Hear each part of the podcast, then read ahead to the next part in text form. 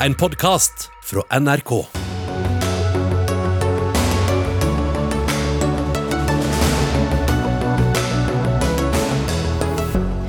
Krigen har sendt dem på flukt fra hjem, familie og hverdagsliv. Men hva møter ukrainere som kommer til Norge nå? Hvorfor vil ikke Israel aktivt støtte Ukraina, som selv mistet en million jøder under holocaust? Talen som Ukrainas president holdt for den israelske nasjonalforsamlingen, har vakt både tårer og harme. Nasjonalmuseet må bryte avtalen med Fredriksen-søstrene i lys av krigen i Ukraina, mener en designer, som kaller samarbeidet kulturvasking av oligarkpenger. Men det vil ikke museet gå med på. Og arbeidstakerorganisasjonen Ekona vil bli kvitt offentlige søkelister. Da åpner vi døra for kameraderi blant toppledere, frykter lederen for Norsk Presseforbundets offentlighetsutvalg. Det ble litt langt, det der. Vel møtt til ukas første Dagsnytt 18 i studio, Sigrid Solund. Ja, De rømmer fra bomber og krig, og vet ikke om de har noe hjem å vende tilbake til, eller hva som skjer med familie og venner i hjemlandet Ukraina. Men når de kommer til Norge som flyktninger, hva venter dem her? Flere kommuner etterspør bedre planlegging og koordinering, og det kommer også kritikk mot det nasjonale mottakssenteret for flyktninger i Råde i Viken. Lang ventetid for registrering, mangel på medisinsk hjelp og venting i kalde rom er noen av stikkordene. Marina Vakulenko, du er selv fra Ukraina og har bodd i Norge i ni år og jobber som næringsutvikler i Oslo. Du snakket med en venninne av deg som nylig kom til dette mottakssenteret. Hva var det hun opplevde?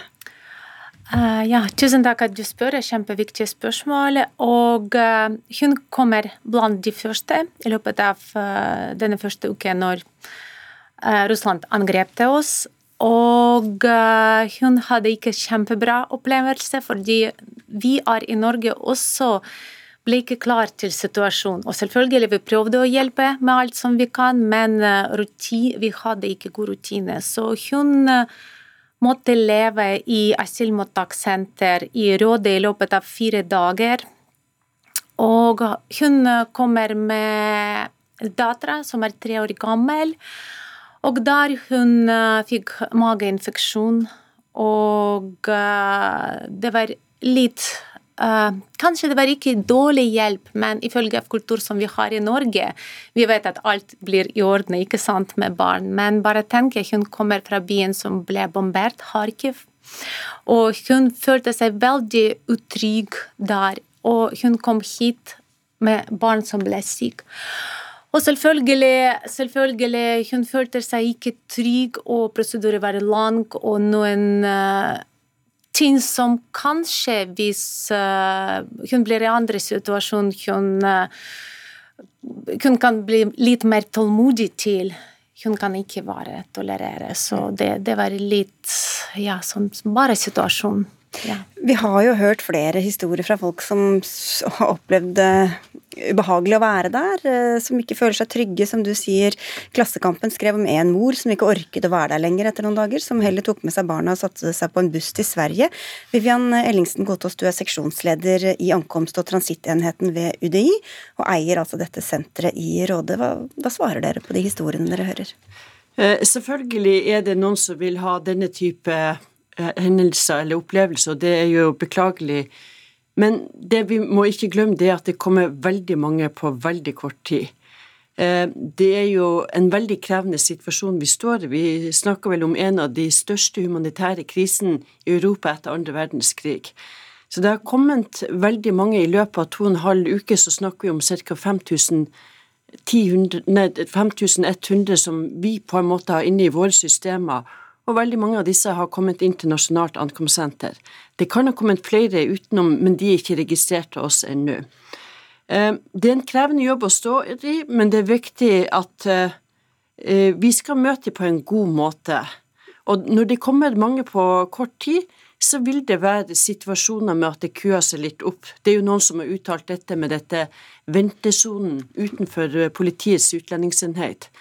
Det har vi prøvd å imøtekomme på en god måte, for vi klarer ikke å ta unna køene fort nok. Og da har vi laga midlertidige løsninger med varmetelt, det er mat der, det er leker til barna, det er informasjon, det er tilgang til helse osv. Man kan jo tenke seg at når man Man er jo trygg, i hvert fall, selv om man kanskje ikke føler seg trygg, så er man jo kommet unna krigen. Er det så farlig om man må vente i noen døgn, eller sove på noen dårlige, kalde madrasser, eller? Eh, for oss, vi skjønner at det er ikke farlig. For oss, vi skjønner at det har vært i Norge ganske lang tid, og vet at uh, den som gjøres nå, uh, vi gjør det med den beste fart vi kan.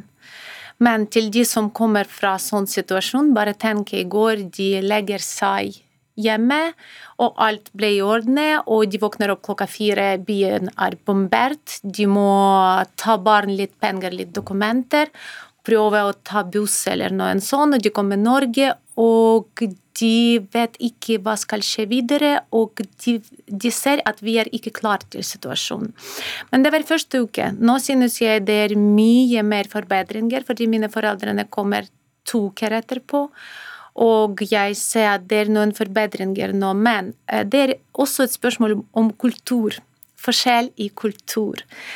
Kanskje vi kan samarbeide litt bedre og prate på det. Fordi den som vi synes i Norge er bra, den som vi gjør kanskje i andre kultur, det blir ikke relevant. Mm. Så det er en sånn spørsmål òg.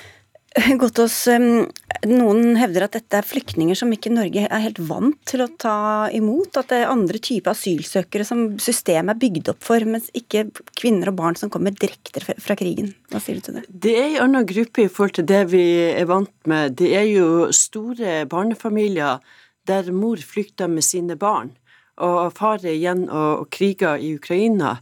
Eh, men det tenker jeg at er, vi har et system for også å ta imot denne gruppa. Vi har utviklet et system som skal ta uavhengig hvilke land de kommer ifra og familiesammensetting. Og det er viktig at de skal oppleve å være trygge. Eh, så kan man alltid stille spørsmål eh, når de kommer inn til rådet, det er for at de skal bli registrert av PU og få tildelt et utlendingsenhet. Politiets utlendingsenhet. Eh, de som kommer til Norge med gyldig ID, eksempelvis biometriske pass, de behøver ikke å melde seg rett til Nasjonalt ankomstsenter. Det foregår også registrering ute i politidistriktene, i Stavanger, i eh, Bergen, Trondheim, Kristiansand er vel Stavanger er jeg litt usikker på, men Kristiansand, Bergen og Trondheim er blant de. Så det er et alternativ. Alle behøver ikke komme til Nasjonalt ankomstsenter. Men jeg vil understreke viktigheten av å få registrert seg inn, nettopp for å få tildelt det nummer som gir rettigheter på flere områder i Norge. Men også rundt i kommunene så er det en del frustrasjon. Valgerd Svarstad Haugland, du er statsforvalter i Oslo og Viken, og har fått en del tilbakemeldinger om frustrerte holdt på å si borgermestere, det heter jo ikke det, ordførere og andre rundt, rundt omkring i kommunene. Hva er det de er opptatt av? De er opptatt av mangel på informasjon og mangel for koordinering. Eh, nå har, vi, nå har de levd i to år med kriseberedskap og er relativt slitne og så plutselig så kom det en ny krise. Og så, ok, det var litt armer og bein til å begynne med når pandemien kom òg, men kanskje vi kunne ha lært og brukt litt av de samme kanalene som vi har brukt gjennom to år, og så skal det opprettes nye kanaler. Og så er det òg slik at uh, det blir etablert mottak uten at ordføreren eller kommunedirektøren vet om det. Et eksempel i Sarpsborg, der har eh, det en bidragsyter, en organisasjon, som har, sagt de kan ta imot et eh, mottak. Og i det bygget så ligger det, bor det mange bostadsløse i Sarpsborg, og de blir kasta ut fordi at flyktningene skal inn. Og vi har flere sånne tilbydere av tjenester som selvfølgelig òg ser nå at her kan vi drive litt eh, forretning i forhold til disse flyktningene som kommer, og så åpner de et mottak uten at, at eh, de som skal jobbe der, er på plass til Sivilforsvaret. Og vi har måttet steppe inn for å, for å dekke disse her, eh, tilbydere disse, disse, mottakene. Og Det som ordførerne og kommunedirektørene og de andre er veldig frustrert over, det er at ikke det er en dialog mellom eh, UDI, IMDi og eh, ordførerne og, eh, og kommunedirektørene. Vi inviterer til møte. Og eh, der stiller eh, UDI opp. Eh, hun får utrolig masse spørsmål som det er vanskelig å svare på, og de har ikke alltid like gode svar heller, slik som det er nå. Jeg skal bare si også at Vi er blitt sendt på telefon mellom Justisdepartementet og Arbeids- og inkluderingsdepartementet i hele dag, og så endte det med at ingen av dem stiller hos oss. Men jeg kan jo høre med deg, Godtås, hvor tror du det går galt?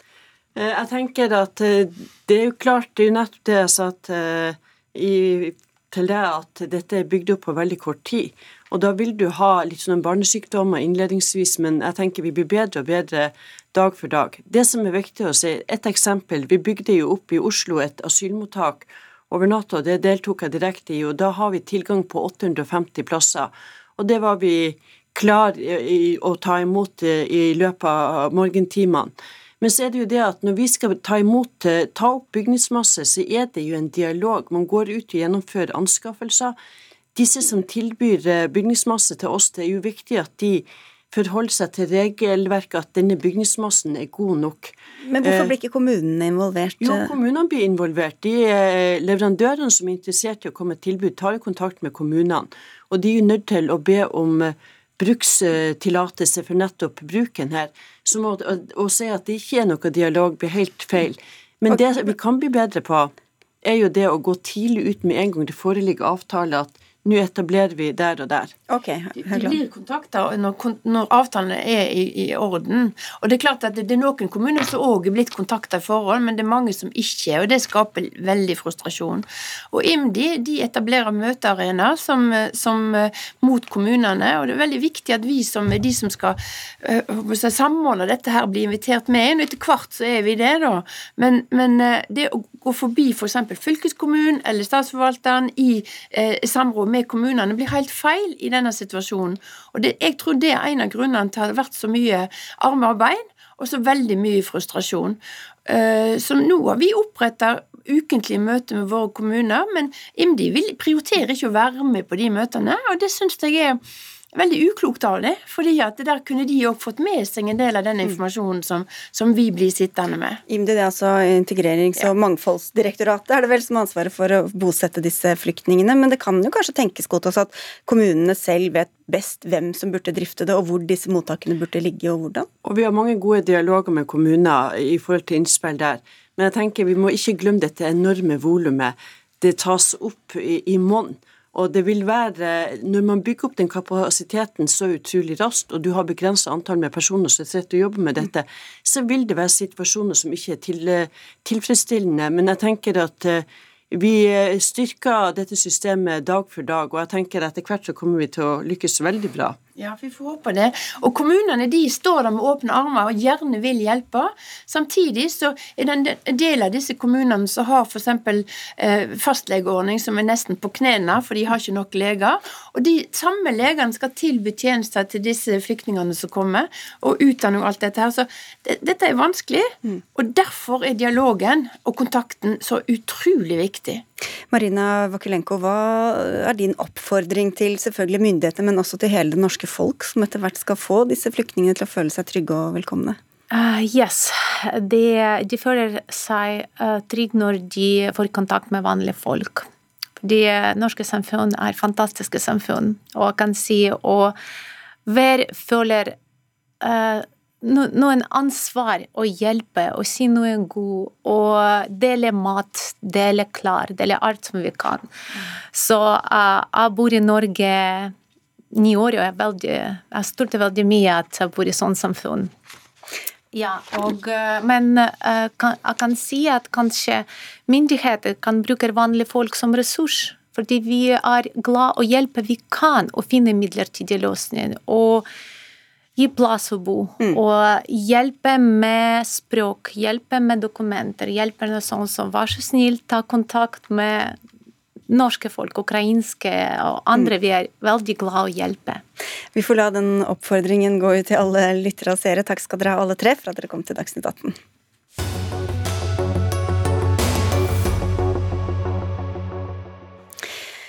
Ukraina tok valget om å redde jøder for 80 år siden. Nå er det på tide at Israel tar sitt valg. Det sa Ukrainas president Volodymyr Zelenskyj da han talte for den israelske nasjonalforsamlingen i går. Han høstet lite applaus for talen, der han sammenlignet Russlands krig mot Ukraina med nazistenes tilintetgjørelse av millioner av jøder under andre verdenskrig. Zelenskyj ba Israel, som foreløpig har stilt seg nøytrale til krigen, om å velge side. Marte Heian Engdahl, du er assisterende direktør ved Noref, Senter for internasjonal konfliktløsning. Både sinne og tårer i etterkant av talen. Hva var det folk ble så opprørt av?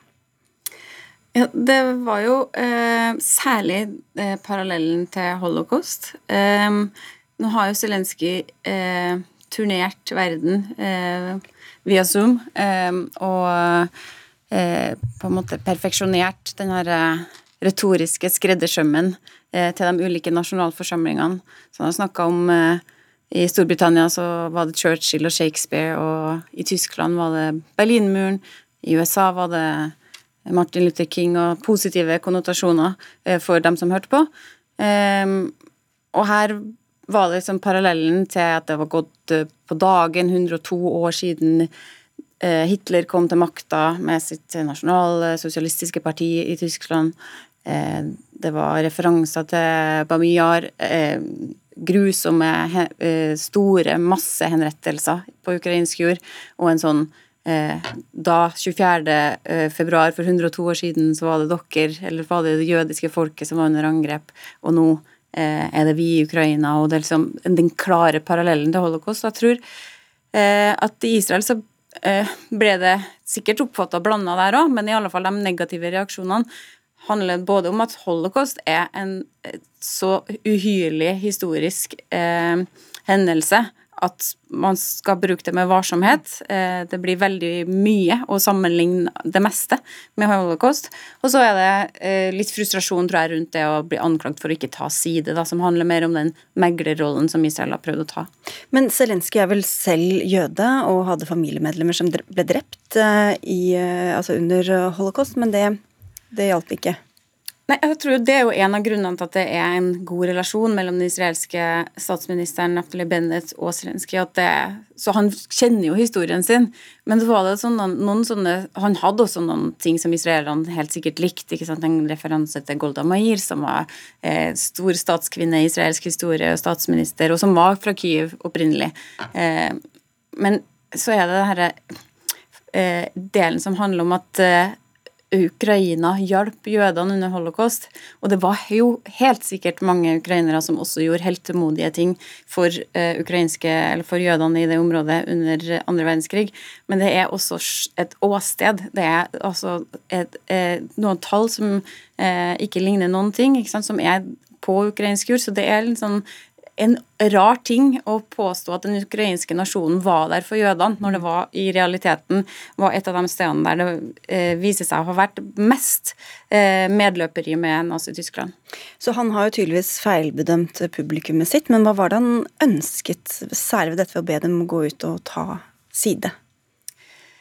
Ja, det er litt pussig. Altså, han har jo bedt alle om å gjøre det. Eh, så Sånn sett er det ikke rart. Og han er jo på utkikk etter mer våpen. Han er veldig interessert i det her mobile luftvernsystemet som Israel har, som heter Iron Dome, som, beskyttet, som er veldig effektivt for å skyte ned raketter. Eh, så han er jo eh, han er jo på, og han er jo desperat statsleder i en helt ufattelig vanskelig situasjon.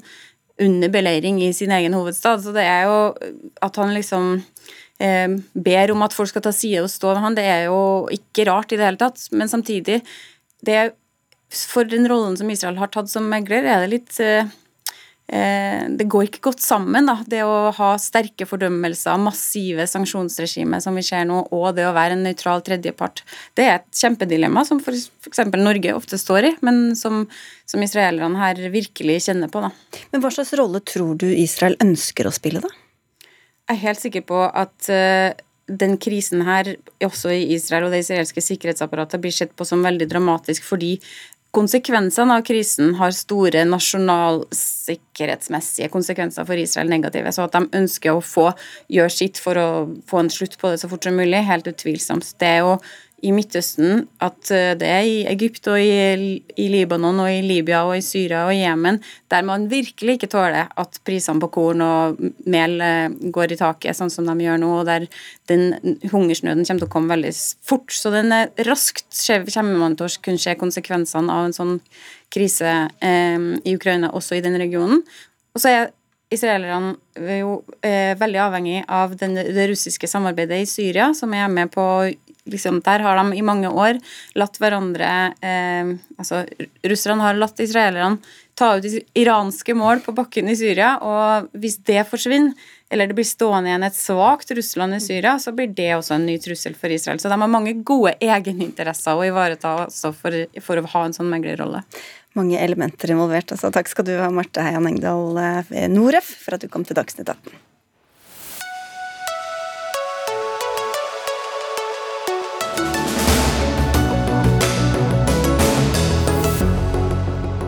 Skremmer offentlige søkelister bort gode kandidater til viktige stillinger? Det skal vi diskutere litt seinere her i Dagsnytt 18. Men nå. Russlands invasjon av Ukraina har blåst nytt liv i kritikken mot Nasjonalmuseets samarbeid med Fredriksen-søstrene. For tre år siden ble det kjent at museet hadde inngått avtale med Cecilie og Katrine Fredriksen. Den innebærer bl.a. at de to får et eget rom i bygningen der kunsten deres blir utstilt, i tillegg til at de investerer i andre utstillinger og finansierer et forskningsprosjekt. Men nå bør Nasjonalmuseet kutte samarbeidet med søstrene av deres finansielle bindinger til russiske oligarker og penger tjent i krigsområder, har du skrevet gjennom flere innlegg i Klassekampen, Jeremy McGowan. Du har doktorgrad i kunsthistorie, er frilansdesigner og også aktiv på museumsfeltet. Nå skal det jo sies at du har vært mot dette samarbeidet hele veien, men hvorfor mener du at denne krigen er en ny grunn til å bryte avtalen? Ja, jeg tenker krigen nå danner et kontekst som uh, gjelder egentlig ikke bare Norge, men også verden også. At vi ser en tendens til at verden også våkner mer til å også se tilbake i tid på ting vi kanskje burde ha diskutert grundigere og bedre også før. Uh, så jeg har reist dette debatt som jeg mener er veldig viktig for nasjonen å ta, og ta i offentligheten rundt Nasjonalmuseet, uh, gitt da kontekst fra den tidligere invasjonen av Ukraina, og som føyer seg inn da en rekke andre hendelser i den brede sånn Fredriksen-familien-virksomhet, bl.a. apartheid Sør-Afrika, prestestyret i Iran og militærjunte i Burma, som da altså, De har tjent penger på måter du syns er umoralsk, rett og slett? Ja. Karin Hinsbo, direktør ved Nasjonalmuseet, vil dere revurdere denne avtalen, da?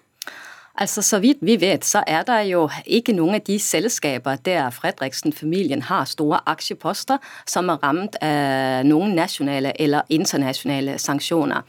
Og så tror jeg gjenstanden for den debatt, der ble reist av McGovern her, det var jo en, en avtale mellom Seadrill, som jo er et børsnotert selskap, Rofsnett, i 2014.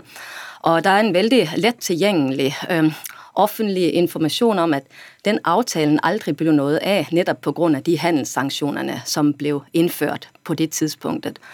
Uh, og så kan man si noe annet som jo også er en veldig lett og tilgjengelig offentlig informasjon.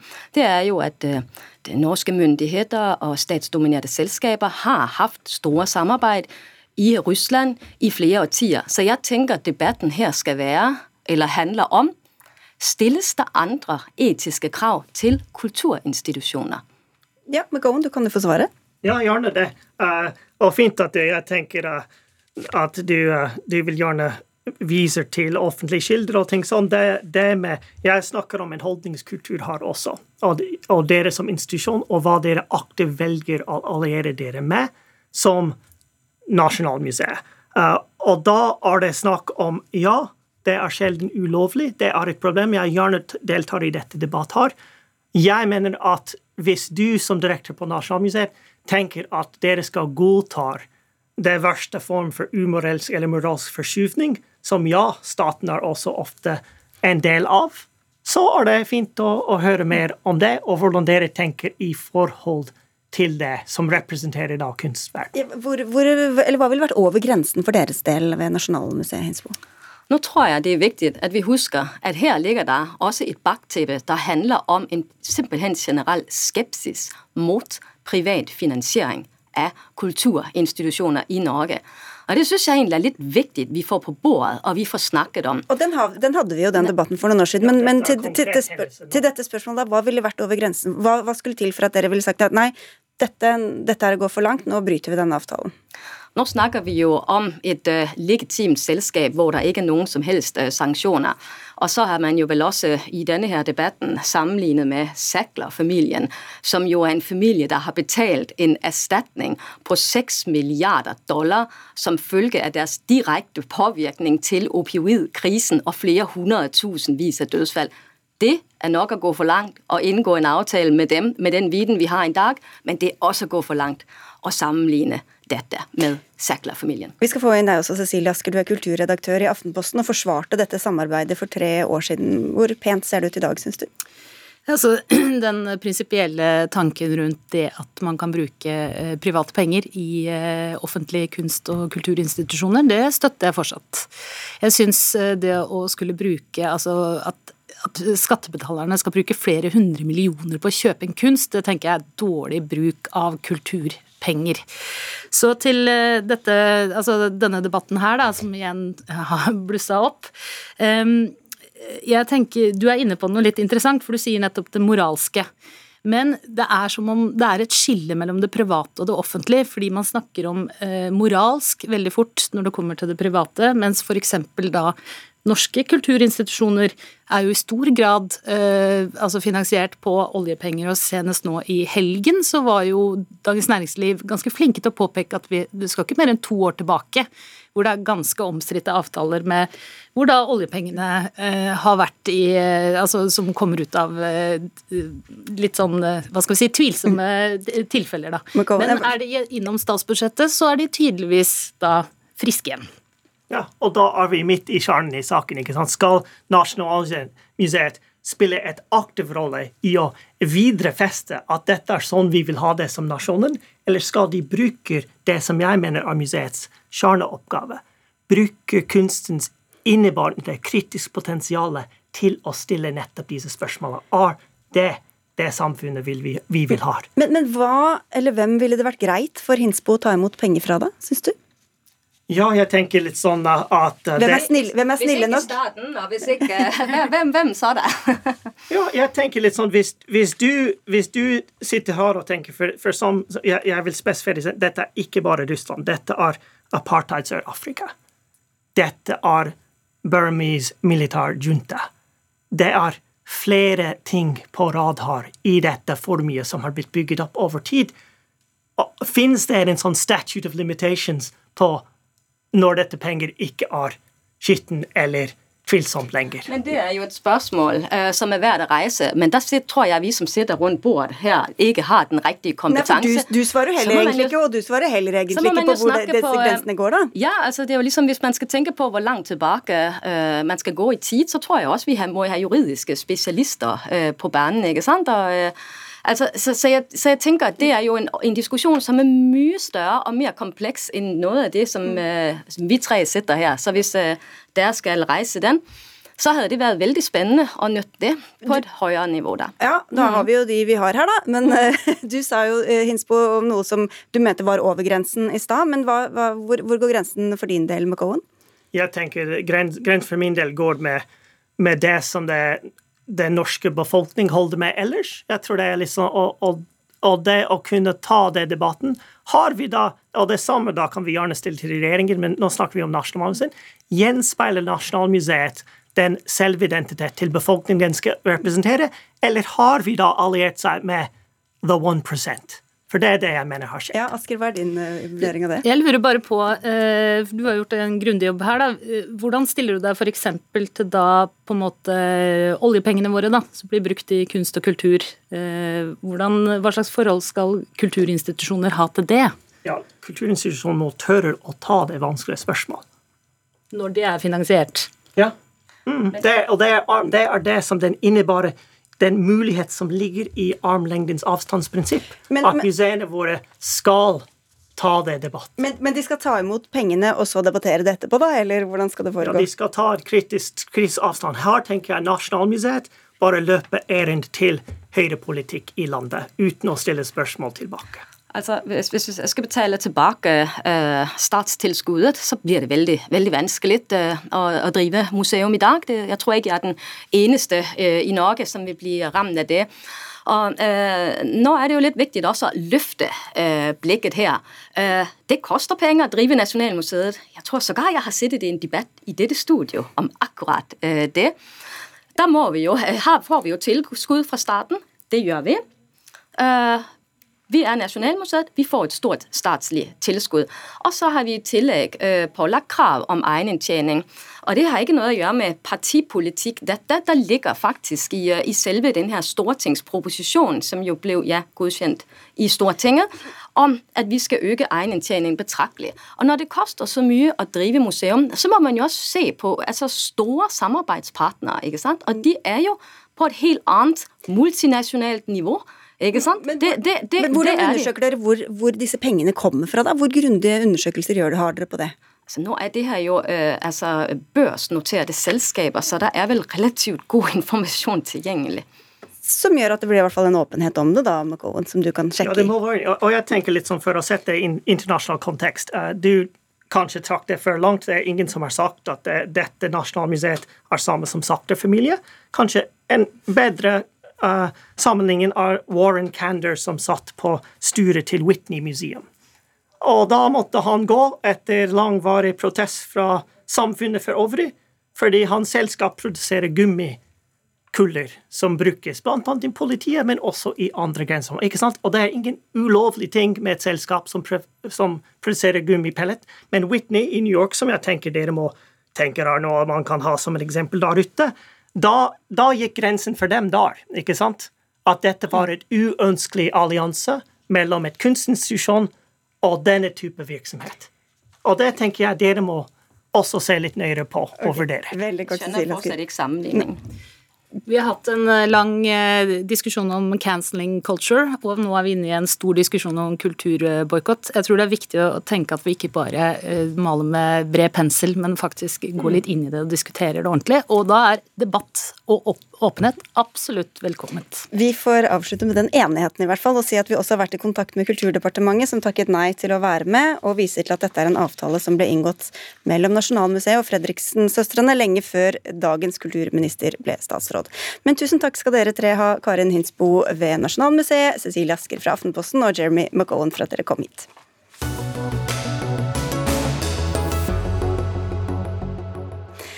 Lavere fartsgrenser og bilfrie søndager det er blant forslagene som Det internasjonale energibyrået IEA presenterte før helgen, som tiltak som kan redusere oljeforbruket.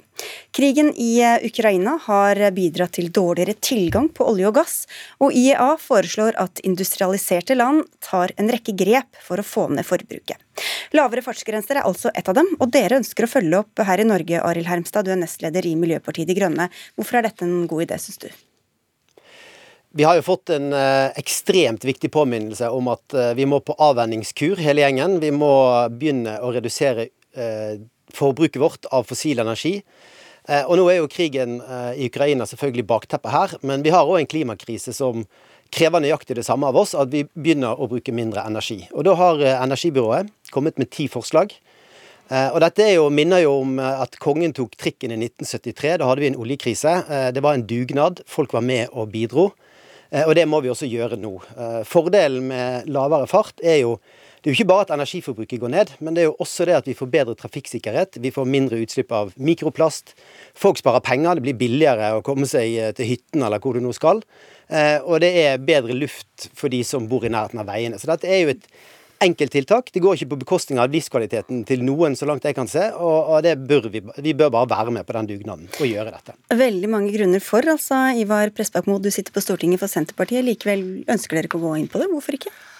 Eh, det er jo sånn at For noen uker siden så eh, inviterte jo Senterpartiet til diskusjon om prioriteringer innenfor samferdselssektoren. og da er Det jo sånn at eh, det å, det å, ha en lavere standard på veiene, altså at det er 90-veier istedenfor 110-veier, er en måte å spare penger på. Og sørge for at vi får prioritert andre viktige prosjekter i hele landet. Jo, men Nå snakker vi ikke om å bygge nye veier, nå snakker vi om å sette ned fartsgrensa på de veiene som allerede finnes. Men utgangspunktet for MDG i denne sammenhengen var jo et innspill fra de tre organisasjonene med NAF i spissen om at eh, departementet og staten burde se på reduksjon av fartsgrense som en del av det. Og så er det en effekt av det er at du også kan uh, imøtekomme et av de her ti kravene som Hermstad nevner. Men det er viktig å si at i Norge så er det sånn uh, at verden har forandra seg fra 1973. Eh, vi er faktisk ganske mye mer avhengig av bil det være seg næringstrafikk eller privattrafikken. Og da er det viktig at vi liksom har tiltak som treffer rett, og som ikke er bærer preg av liksom, å på en måte være nærmest eh, prinsipielt begrunna, for å si det sånn. Jo, men det er jo et faktum at hvis man kjører saktere, så bruker man mindre bensin. 500 000 fat per dag, ifølge IEA, hvis man begrenser fartsgrensen med 10 km i timen. Men det, men det, er viktig å huske at vi har ikke så veldig mange veier i Norge der fartsgrensen er så veldig mye høyere enn 90 km i timen. Sånn at når du starter den diskusjonen som MDG gjør, så er du med et annet utgangspunkt enn det som var diskusjonsgrunnlaget. Men man må gjerne kjøre saktere, men vi må ikke komme oss bort ifra at vi faktisk trenger de veiene vi har. Vi trenger å få rusta dem opp, og vi trenger å legge til rette for at næringslivet og folk ja, kommer seg fram. Ja, det er det. Ok, Hermstad. Jeg vet ikke hva jeg skal spørre deg om, men uh, altså at folk skal komme seg fram, så har de ikke så veldig lyst til å kjøre mye saktere enn det de egentlig trenger. Eh, altså, Poenget er at uh, vi skal bruke mindre energi enn det vi gjør i dag. Uh, og er, jeg er veldig glad for at Senterpartiet uh, begynner å bli enig med oss at det å bygge firefelts motorveier, nye firefelts motorveier for 110 km i timen, det er en dårlig idé. Jeg har gjerne lyst til å høre om Prestbakmo vil være med meg på å stoppe det prosjektet som er i ja, Levanger, som jeg besøkte ja, men det, vet du hva, Dere vil diskutere helt andre ja, okay. ting. Nå snakker vi om dette her. IEA sier 'sett ned fartsgrensen', så blir det mindre oljeavhengighet, både på kort sikt, men selvfølgelig også på lang sikt, dersom dette blir vedvarer. Og, og, da, da, er min utfordring til Senterpartiet er jo egentlig, hvis ikke dere vil være med oss og sette ned fartsgrensen på de eksisterende veiene, så er det hvilke andre tiltak vil dere være med på på kort sikt av de som IEA lister opp, altså den tipunktslisten. Hvilke andre er det dere vil gjøre, og vil dere gjøre noe mer i tillegg for å imøtekomme den, den bønnen om en dugnad globalt for å få ned utslippene? Nå er det jo viktig å huske på at vi er inne i en ganske kritisk situasjon i Norge og i Europa, og i hele verden for den del, knytta til eh, krigen i Ukraina. Og det er klart Den vil kunne røyse noen helt nye og krevende valg som vi må gjøre for å sikre både at det er drivstoff, at det er energi, og at vi får gjort de tingene vi skal gjøre i samfunnet. Og Når det gjelder å redusere oljeavhengighet og drivstoff Vi må kjøre fort for å hjelpe nei, men, menneskene i Ukraina? Nei, det er ikke så vanskelig å forstå. Eh, det er ikke så vanskelig å forstå. Det er faktisk sånn at nordmenn er ganske gode til å tenke og tilpasse seg de kravene som er kommet. Vi er i ferd med å få en atskillig større elektrisk bilpark i Norge enn det vi har hatt, f.eks. Og folk gjør sine valg, men når vi gjør beslutninger nasjonalt, så må vi gjøre det på en sånn måte at det faktisk fungerer for folk i hverdagen. Og det gir ikke mening at du skal bruke ressurser på å sette ned fartsgrensen på eksisterende veier. Det vi trenger å diskutere, det er om vi bruker pengene rett, det være seg i forhold til energi og det være seg i forhold til veibygging. Ok, men det Poenget også Hermstad, er vel at uh, når man kommer med tiltak, så må det ha legitimitet uh, i befolkningen. Hvor mange tror du, særlig kanskje som bor ute i distriktene, føler at her er det nødvendig å gå ned fra 90 til 80 eller 70 til 60 for å komme fram? For å være helt ærlig så tror jeg det er et ganske billig og greit tiltak for veldig mange mennesker. Og det er jo ikke sånn at eh, det er opp til oss politikere å oppfordre folk til å gjøre ting. Eh, det vi som politikere skal gjøre i denne veldig alvorlige situasjonen, hvor altså folk i Ukraina nå fører en kamp egentlig ikke bare for sitt eget folk, men også for oss som bor i andre vestlige land, og som er, eh, ikke liker Putin og ikke ønsker hans samfunnsmodell. Når de gjør de vanvittige ofrene, så ser vi altså at Senterpartiet syns det er for mye å be om at folk skal kjøre litt saktere på motorveiene våre. Og jeg, jeg spør igjen, hvilke andre tiltak er det du heller vil gjøre for at Norge skal bidra med sin del av den dugnaden som energibyrået nå tar til orde for? Jeg, jeg syns med all mulig respekt at det er å gå for langt å bruke krigen i Ukraina som et argument for å gi nordmenn dårlig samvittighet for at man kjører bil. Den holder ikke.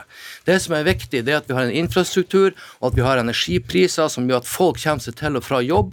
Så er innbyggerne i Norge mer enn godt godt nok i stand til på egen vilje å skjønne at vi må ha et, et grønt skifte i samfunnet. og det tilpasser jo samfunnet seg. Men du vil ikke som politiker legge til rette eller be om eller, Du kan ikke argumentere ut fra at du skal redusere fartsgrensa fra 60 til 50 i Distrikts-Norge og tro at det er liksom genialt, for det er det faktisk ikke. Altså, det handler om framkommelige veier, og da er det faktisk sånn at du må ta høyde for at det er viktig å bruke penger sånn at folk kommer seg fra A til B, enten du skal gjøre det på yttersida av Senja, eller okay. du skal gjøre det til en storby. Men, men, men, men altså, Eh, altså, jeg har jo, Det jeg sa, var at vi skal ta ned fartsgrensen fra 110 til 90 km i timen. Og ikke fortell meg at det går utover folk i distriktene. Det er jo folk som bor i Bærum, Nei, Oslo og i det sentrale ja, ja, det, var jeg, det, var, det var jeg som eh, sendte dere ut på helt eh, ville, ville veier her. Da sier vi det. Det var fra 110 til 90 som var deres forslag, basert også på det Det internasjonale energibyrået har bedt de rike landene om. Takk skal dere ha begge to, Ivar Prestbakmo fra Senterpartiet og Arild Hermstad fra MDG.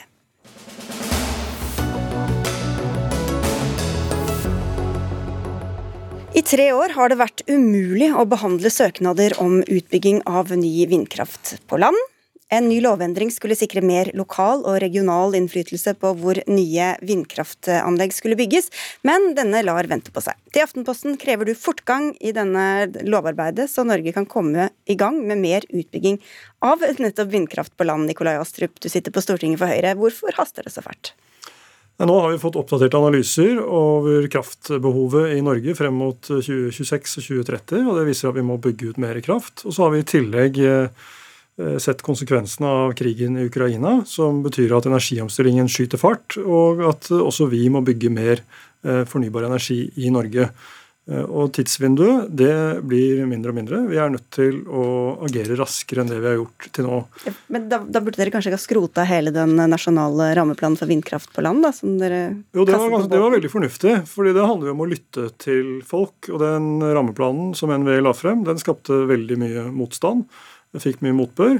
Eh, og da valgte man å lage en vindkraftmelding eh, som ble sendt til Stortinget isteden.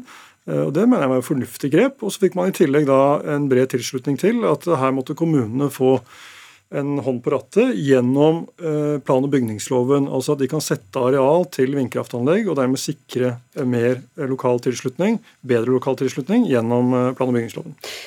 Statssekretær i Olje- og energidepartementet Elisabeth Sæter fra Arbeiderpartiet. Det er ikke bare Høyre som har sagt at vi trenger mer vindkraft på land. Din statsminister og partileder Jonas Gahr Støre har sagt det samme. Men når og hvordan skal dette egentlig skje?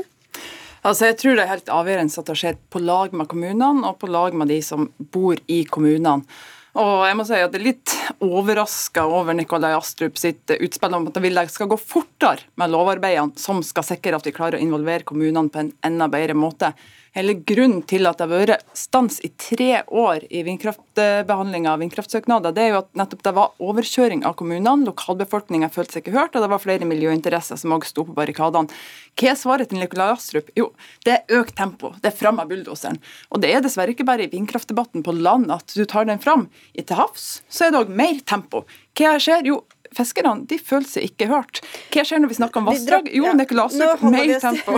Vindkraft på land. Men det er jo sant, Astrup, i denne høringsrunden som vi viste til i stad, 49 av 56 kommuner sa nei til vindturbiner. Det har vært masse lokalt eh, bråk. Hvor, hvor ser du for at all denne vindkraften skal bygges?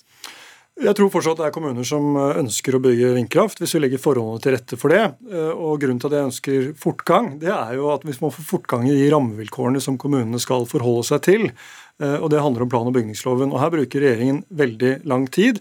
Nå har de varslet at de kommer til eh, å sende dette på høring til sommeren. At det da først kommer til Stortinget neste vår. og Da kan vi altså risikere at vi må vente til 1.1.2024 før dette trer i kraft. Så skal kommunene ta det inn. Da er vi post 2030 før det er noe vindkraft på land. Jeg besøkte for noen dager siden Øyfjellet vindpark i Mosjøen. 72 vindturbiner med veldig lite lokal konflikt. Eh, kraften går til Alcoa eh, i 15 år. Eh, veldig bra okay, opplegg. Da fikk du hilst til dem. Nei, men, jo, men, det er et eksempel på at det finnes steder hvor det er ønske om å bygge ut mer kraftproduksjon. Vi trenger mer kraft, men det må skje mye raskere. Og denne regjeringen skynder seg langsomt. Det er helt riktig. Både når det gjelder havvind, landvind og andre ja, og former for ny kraft. Vi skal jo ned veldig raskt i utslippene her, Sæther. Hvor god tid har dere egentlig? Nei, altså Lett meg være tydelig. Denne regjeringa tror på vindkraft på land. Vi tror at det finnes gode prosjekter, men da er vi nødt til å lære av de mange feilene som Høyre i regjering gjorde. Vi er nødt til å sikre at kommunene sitter igjen med mer av gevinstene som det er å ha vindkraft i kommunen sin.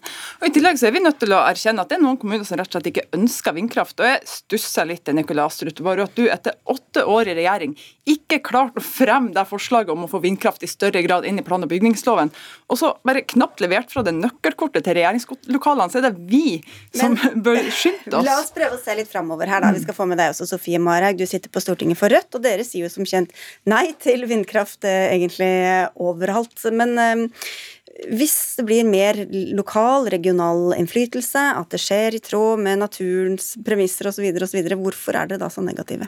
Altså, Jeg syns det er ganske spesielt at Arbeiderpartiet og Høyre nå kapper kappes om å få fortgang i vindkraftutbyggingen med de uttalelsene til Støre og med det utspillet til Nikolai Astrup. Eh, fordi det er helt klart at vindkraft på land det er det ingen partier som har gått til valg på å intensivere. Tvert imot så hadde man en timeout. Og jeg syns det er ganske udemokratisk jeg, at det går et halvt år, så sier særlig Høyre, men for så vidt òg Arbeiderpartiet, at nå skal vi bygge masse mer. Fordi motargumentene mot vindkraft er de samme. Det er fortsatt upopulært, og det er upopulært av jo, men, en grunn. Men hvis kommunene vil ha det, da? Hvordan kommunene er det da vil jo ikke ha det. Nei, men hvis, hvis, det skal være opp til kommunene lettere å kunne bestemme, og de sier at de vil ha det? Eh, selvfølgelig så eh, kan det jo i en uh, hypotetisk uh, virkelighet uh, hende at noen kommuner vil ha det, men det vi har sett med f.eks. Fosen-dommen, er at det faktisk ikke bare er et problem med om noe har oppslutning eller ikke, det er òg et problem at urfolks rettigheter blir overkjørt. Reindriftssamer har blitt tilsidesatt. Det gjelder òg noen av de stedene der det har vært populært. Med vindkraftutbygging. Og naturen kan fortsatt bli overkjørt. Nedbygging av areal er et problem, ikke minst i et klimaperspektiv, fordi Ja. det, det er en fanger av CO2. Ikke sant? I hvert fall noen steder så kan det slippe ut veldig mye karbon hvis man bygger i myr, f.eks. Astrup, i tillegg til de naturinngrepene som også kommer. Eh, Hvem er det så, hvis, hvis en kommune ønsker å bygge ut vindkraft på et sånt sted hvor dette vil kanskje til og med komme ut negativt, hvem er det som skal bestemme om de får lov eller ikke? Det er jo en ordinær konsesjonsprosess etter energiloven som NVE vil behandle, og der vil jo de nasjonale hensynene til miljø og uh, reindrift og andre forhold selvfølgelig fortsatt bli behandlet. Da NRK sjekket, utredningen for det er ikke 88 vindkraft for halvannet år siden, var det ingen som hadde tatt høyde for at det kunne føre til økte utslipp. Så dette, Poenget er at dette eh, med myr myr Ja. er, Det er vel kjent at det er et eh, effektivt klimatiltak å ikke bygge i myr. Ja, men det ble ikke og tatt Derfor hensyn til. foreslo jo vår regjering et forbud mot nydyrking av myr. Mens, matproduksjon, ja. Vindkraft var mens- men matproduksjon, der satte dere stopp. mens Arbeiderpartiet og Senterpartiet opphevet det forbudet. og Dermed gikk vi glipp av klimakutt på en halv million tonn frem mot 2030. Men la meg bare si det til Rødt, at de er jo mot all form for ny kraftproduksjon. Og de er mot vind på land, vind til havs. De er jo i, Det i og for stemmer seg ikke at vi er mot all ny og, og det, det Rødt egentlig gjør, det er at de uh, sier nei til å nå klimamålene i 2030 og 2050. De sier nei til ny grønn får. Industri, og de sier nei til rimelig kraft til husholdninger og til industrien og næringslivet i Norge. Og det mener jeg er en politikk som absolutt ikke står seg. Kraften har jo ikke blitt rimeligere av at vi har begynt å bygge ut vindkraft på land. Tvert imot så har vi hatt en strømpriskrise denne vinteren, så det er med all respekt Jo, jo, men hvis vi riktig, dere, hvis vi, kommer til å gå, vi kommer til å mangle mye kraft etter hvert, Marhaug, og, og hvor skal den komme fra? Eh, Det, vil energieffektivisere. Det sier alle partier at de er enig i, men de vil ikke begynne i den enden. De vil begynne med å bygge ned natur, eh, fordi det er profitabelt da, for enkelte eh, grupper, eh, åpenbart. men hvis man skal Eh, effektivisere, må man jo fortsatt ha noe energi å effektivisere ja, ut Vi vil oppgradere eksisterende vannkraftverk. Der kan vi eh, spare inn en del eh, og få en del eh, TVH. Og, og vi vil satse på solenergi. Og så vil vi òg droppe en del sløsing med strøm. Rødt har foreslått et forbud mot kryptomining. Det kan godt Høyre støtte hvis de er opptatt av framtidens eh, energibehov. Eh, vi har sagt at vi ikke vil elektrifisere sokkelen. Og vi er ikke interessert i å ha en helt uregulert eksport. Okay, La oss Hvis komme tilbake til vindkraften. eh, Til deg også, da, Sæther, som sitter i, i departementet. Hva er planen framover her, egentlig? Når er det vi skal begynne å bygge denne vindkraften? Altså, Vi kommer nå til å ha en grundig prosess etter vanlige forskriftsmessige forhold, ikke en korona-ekspressprosess som Nikolai Astrup ønsker seg, for å få på plass at vindkraft får større plass i plan- og bygningsloven. Når det er sagt, så er jeg helt enig i at ja, vi har dårlig tid. Ja, i enkelte deler av landet så styrer vi mot et kraftunderskudd. Og i enkelte deler av landet Marhaug, så er det faktisk kommuner som ønsker seg vindkraft. Men hva ligger i det? Dere skal gjøre det grundig, men er dere skal ha dårlig tid og ha god tid på en gang. så er det kommuner som også ønsker seg vindkraft i dag, fordi det er nøkkelen for ny industri i deres kommune. Og da må vi se på om det er løsninger hvor vertskommunen står og banker på døra og ønsker konsesjonsbehandling av prosjektet sitt. Da må vi se på løsninger om de søknadene kan behandles i forkant. For det er ikke uheldig om vi sitter i Oslo og sier nei, sånn som Rødt gjør. Da å være imot prinsipielt alle vindkraftprosjekt på land, det er å ta beslutninger på vegne av kommuner som ønsker arbeidsplasser, som Jeg som kan ønsker love ny at Rødt sier nei i alle kommuner i hele landet. Så det er ikke unikt for eh, vi som er i Oslo. heldigvis ikke alle kommuner i hele landet så langt derifra. De kommunene må få løp til å bestemme sjøl. Og hva sier dere til arbeidsplassene til Alcoa, som er avhengig av vindkraft for å få gode kraftkontrakter. Ikke si dere til innbyggerne i Berlevåg som har lyst på hydrogenprosjekt som er avhengig av vindkraft. Det er ikke konfliktfritt med vindkraft eh, de stedene du nevner heller. Det handler om naturen, det handler om reindriftssamer. Men la kommunene ta beslutninger sjøl. Og eh, poenget med vårt nei til vindkraft er at vi har sett at hastverk er lastverk. Nå jo, ønsker flere partier å presse Kan man lære av det som har skjedd, da? Og så kanskje gjøre det på en annen måte denne det neste runde? Det vi har lært av det som har skjedd, er at eh, det nesten ikke skaper arbeidsplasser. Eh, det Fortjenesten havner i skatteparadis, i Luxembourg, i Sveits. Nå er vi helt ute å kjøre, Nei, altså. det, dette har eh, Dagens Næringsliv dokumentert eh, ganske Hvis du ser på flere vindprosjekter, så det er forutsetning for at industrien får langsiktige kraftkontrakter, f.eks. I Mosjøen. Hvis du eh, hører på de som faktisk spør kan vi få behandla søknadene våre fordi vi trenger ny industri, så er det ikke bare nei over hele linja. Det er òg kommuner som ønsker seg det, og der må vi lytte. Vi kan ikke bare sitte her i Oslo og si prinsipielt nei til all ny vindkraft. Det er Astrup, er du enig i den beskrivelsen som ble gitt her, at dere ødela egentlig for eh, all vindkraftutbyggingen fordi det skjedde på så innmari dum måte? Det var ikke fordi det skjedde så veldig raskt. fordi at eh, Det tok jo lang tid å konsesjonsbehandle de vindkraftverkene, og det var litt av problemet som vi også foreslo å stramme inn på eh, i den vindkraftmeldingen som ble behandlet i Stortinget i 2020. eh, Fordi det prosjektet som ble omsøkt, det var det støtte for, og så kom det et litt annet prosjekt etterpå med litt større turbiner som det var større motstand mot. Det må vi lære av. Men det vi snakker om nå, er jo ikke en uansvarlig hastverksprosess. Det vi snakker om, er et lovarbeid som må prioriteres i departementet. Og jeg har vært statsråd i det departementet, så jeg vet at når statsråden bestemmer seg for at dette skal prioriteres, så går det fortere. Nå haster det. Vi er i en helt annen energisituasjon enn vi var for kort tid siden. Og vi har en krig i Ukraina som gjør at vi er nødt til som, ja, Da snakker alle munn på hverandre, så da sier jeg tusen takk for at dere kom, jeg, rett og slett eh, alle tre.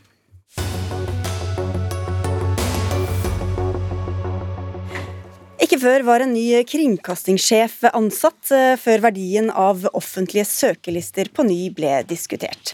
For når noen eh, søker på utlyste stillinger i offentlig sektor, ja, da skal jo navnene deres i utgangspunktet være offentlig. Dette kan skremme bort de mest kvalifiserte søkerne, skriver du i et innlegg i Aftenposten, Nina Ribe. Du er administrerende direktør i Ekona, som er en arbeidstakerorganisasjon for økonomer. Men hvorfor tror du folk blir skremt bort av å måtte få navnet sitt på trykk? Vi i Ekona vi er opptatt av åpenhet og ryddighet, og hvert år så gjennomfører vi en undersøkelse, og vi har over 10 000 respondenter. Eh, den ble tatt i fjor, eh, i november i fjor, og den viser at syv av ti kvier seg for å søke eh, til offentlig sektor eh, pga. offentlige søkelister.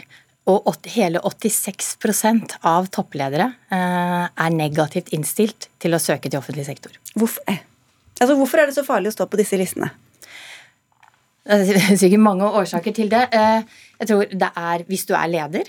eh, Det å, å broadcaste, som man sier i utlandet, at man er på vei til et annet sted. eh, Medarbeiderne dine.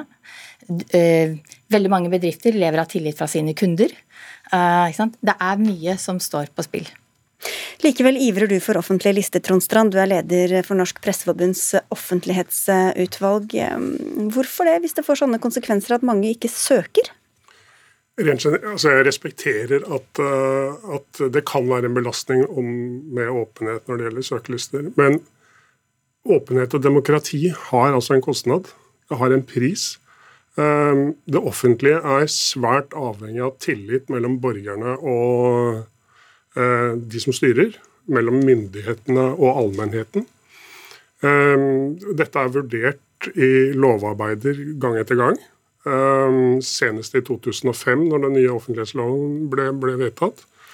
Uh, og Konklusjonen da er at uh, altså, dette er noe vi trenger for å etablere den tilliten, for å holde den store tilliten som er mellom myndigheter og, og, og uh, andre i samfunnet. Ok, Så det er verdt det, mener du. Jeg skal bare høre med deg, Ribe, for du kaller det for offentlige pyntelister. Hva ligger i det? Hvis vi, eh, vi tar eh, den siste prosessen, som i og for seg er din eh, nye sjef. eh, Fristen for eh, eh, Søknadsfristen gikk ut fredag i forrige uke. Eh, Mandag, eh, nei, onsdagen etter så kom eh, listen, og torsdagen eh, så kom kunngjøringen. Det er jo neppe et eksempel på en åpen prosess. Og selv du, Trond, det er vanskelig å skape en god debatt på under et døgn. Vi ser f.eks. da Statskraft fikk sin nye konsernsjef, så var det 17 av 25 av de søkerne som var unntatt offentlighet. Og det er det som er poenget til Ekona. Dagens ordning fungerer ikke. Men vi er for åpenhet. Men ikke som i dagens ordning. Den Nei, fungerer ikke. Okay, for, bare, for, å ta tak i det, Trondstrand. Hvis det er sånn at det er prosesser som skjer i forkant av offentliggjøringen, altså mange kandidat, kandidater er inne, de kommer aldri på lista fordi de kanskje får beskjed om at de tror ikke du blir valgt, eller andre grunner så trekker de seg eller, øh, og, og vil ikke være på denne lista. Hvor åpent og transparent er det egentlig da? Den type prosesser vil du ha uavhengig av hva som er status for søkelister. Altså eh, en topp, topplederjobb, et rekrutteringsfirma som kontakter mulige kandidater eh, for å høre at den og den er kandidat. Eh, den type prosesser har du uansett, det er jeg helt sikker på. Det er ikke søkelistene som er avgjørende, det er åpenhet om søkelistene som er avgjørende om det. Du trekker fram Statkraft. ikke sant? 17 eh, av x antall ble unntatt. Altså, Vi holder oss med fartsgrenser i det landet her. Eh, og selv om mange bryter fartsgrensen på motorveien, så er det ingen som tar til orde for at vi fjerner fartsgrensene. De burde ikke ha kunnet, for Der er det virker som det praktiseres litt ulikt om man, hvem som får lov til å bli unntatt offentlighet ja, og ikke. Vi, det vi mener er at, at, offentlighetsloven den har jo ingen sanksjonsmuligheter i seg. Altså Man kan bryte loven uten noen form for reaksjon. Og Det så vi jo ikke minst når Norges Bank skulle ansette ny, ny sjef for oljefondet. Eh, da sa sjefen for Norges Bank at de med overlegg, eh, de med overlegg brøt loven. Mm. Og det, det, er, det er, mener vi må tas tak i. Vi mener at offentlighetsloven må følges av et sanksjonsregime. Altså at man kan bli gitt bøter ved overtredelse av loven, som f.eks. når det gjelder offentlige søkelister. Akkurat det er jo ikke opp til deg, Ripe. Men du sa du ville ha åpenhet, men ikke denne åpenheten. Hva slags åpenhet vil dere ha da? Åpenhet for oss, det er uh, å få riktig kompetanse um, i riktig stilling, uavhengig av navn og hvem du kjenner. Uh, vi uh, opplever at kompetansen er jo det vesentlige her, ikke om du heter Knut eller Astrid. Nei, Så du skal bare du skal presenteres ved CV-en din, f.eks.? For eksempel. Men, vil men, men hvordan skal man da klare å finne ut av om det er bindinger mellom den som ansetter og den som blir ansatt, f.eks.? Jeg tror vi også skal ha tillit til, eh, til systemet. Det finnes uh, utrolig mange dyktige, dedikerte mennesker i tilsynsapparatet rundt i Norge. Det er ikke slik at det er én person som sitter og drar i, i, i alle snorer og, og, og, ansetter. Så jeg syns vi skal ha uh, tillit. Og så er det én ting til. Um, det er viktig, jeg, jeg, tror det er viktig at i enkelte utsatte posisjoner som du, som Statkraft og, og de du nevner, det er liksom ekstremtilfellene. Det kan godt være at vi skal ha ett type regelsett for de. Men husk på, det er tusenvis av nordmenn som blir ansatt i offentlig sektor. Skal en som jobber som økonomiarbeider i sin lokale kommune eller som helsesøster omfanges av det samme regelverket som NBIM-ansettelsen? Nei, det, det, kan man jo godt diskutere, men, men, det vi snakker om her, er jo først og fremst ledende stillinger i det offentlige. Eh, det er de det er viktig å ha åpenhet om. Eh, og det er det loven i første rekke er eh, satt inn for å regulere. Men kan man ikke ha den etter, i etterkant av ansettelsen? Da kan man jo begynne å grave og sjekke om her var det noe muffins og Når navnet er satt på kontrakten, så er det uhyre vanskelig å ha en eh, åpen og levende debatt om dette kandidaturet er det riktige for denne jobben som vi, vi diskuterer. Så da er på en måte strek satt for prosessen, og det blir umulig å gjøre noe mot det. Dette, dette er en åpenhet som er satt opp for å håndtere kameraderi, for å håndtere lukkede prosesser da, eh, da, kan man ikke på en måte etterpå si at uh, her var det dessverre noe. Da, da er det for sent. Men det er ikke slik. Altså Hvis du tar et enkelt uh, retrieversøk, så er det hundrevis av uh, prosesser i offentlig sektor i, i, i, løpet av fjoråret som ble omfanget av akkurat det samme. Etter vi hadde kronikken i, i Aftenposten i dag, eh, så var det en eh, mannlig sykepleier som forteller at han vegrer å søke eh, til offentlig sektor fordi han vil ikke bli liksom, eh, sladder i bygda. Det å søke en jobb må jo være en privatsak. da var vi tilbake til utgangspunktet. Vi må sette strek. Takk skal dere ha, begge to. Trond Strand fra Norsk Presseforbunds offentlighetsutvalg og Nina Ribe som som er administrerende direktør i Ekona. Anne Katrine Førli hadde ansvaret for innholdet i denne Dagsnytt 18-sendingen. Eli Kyrkjebø hadde det tekniske ansvaret. Mitt navn er Sigrid Solund, og vi ses og høres igjen i morgen.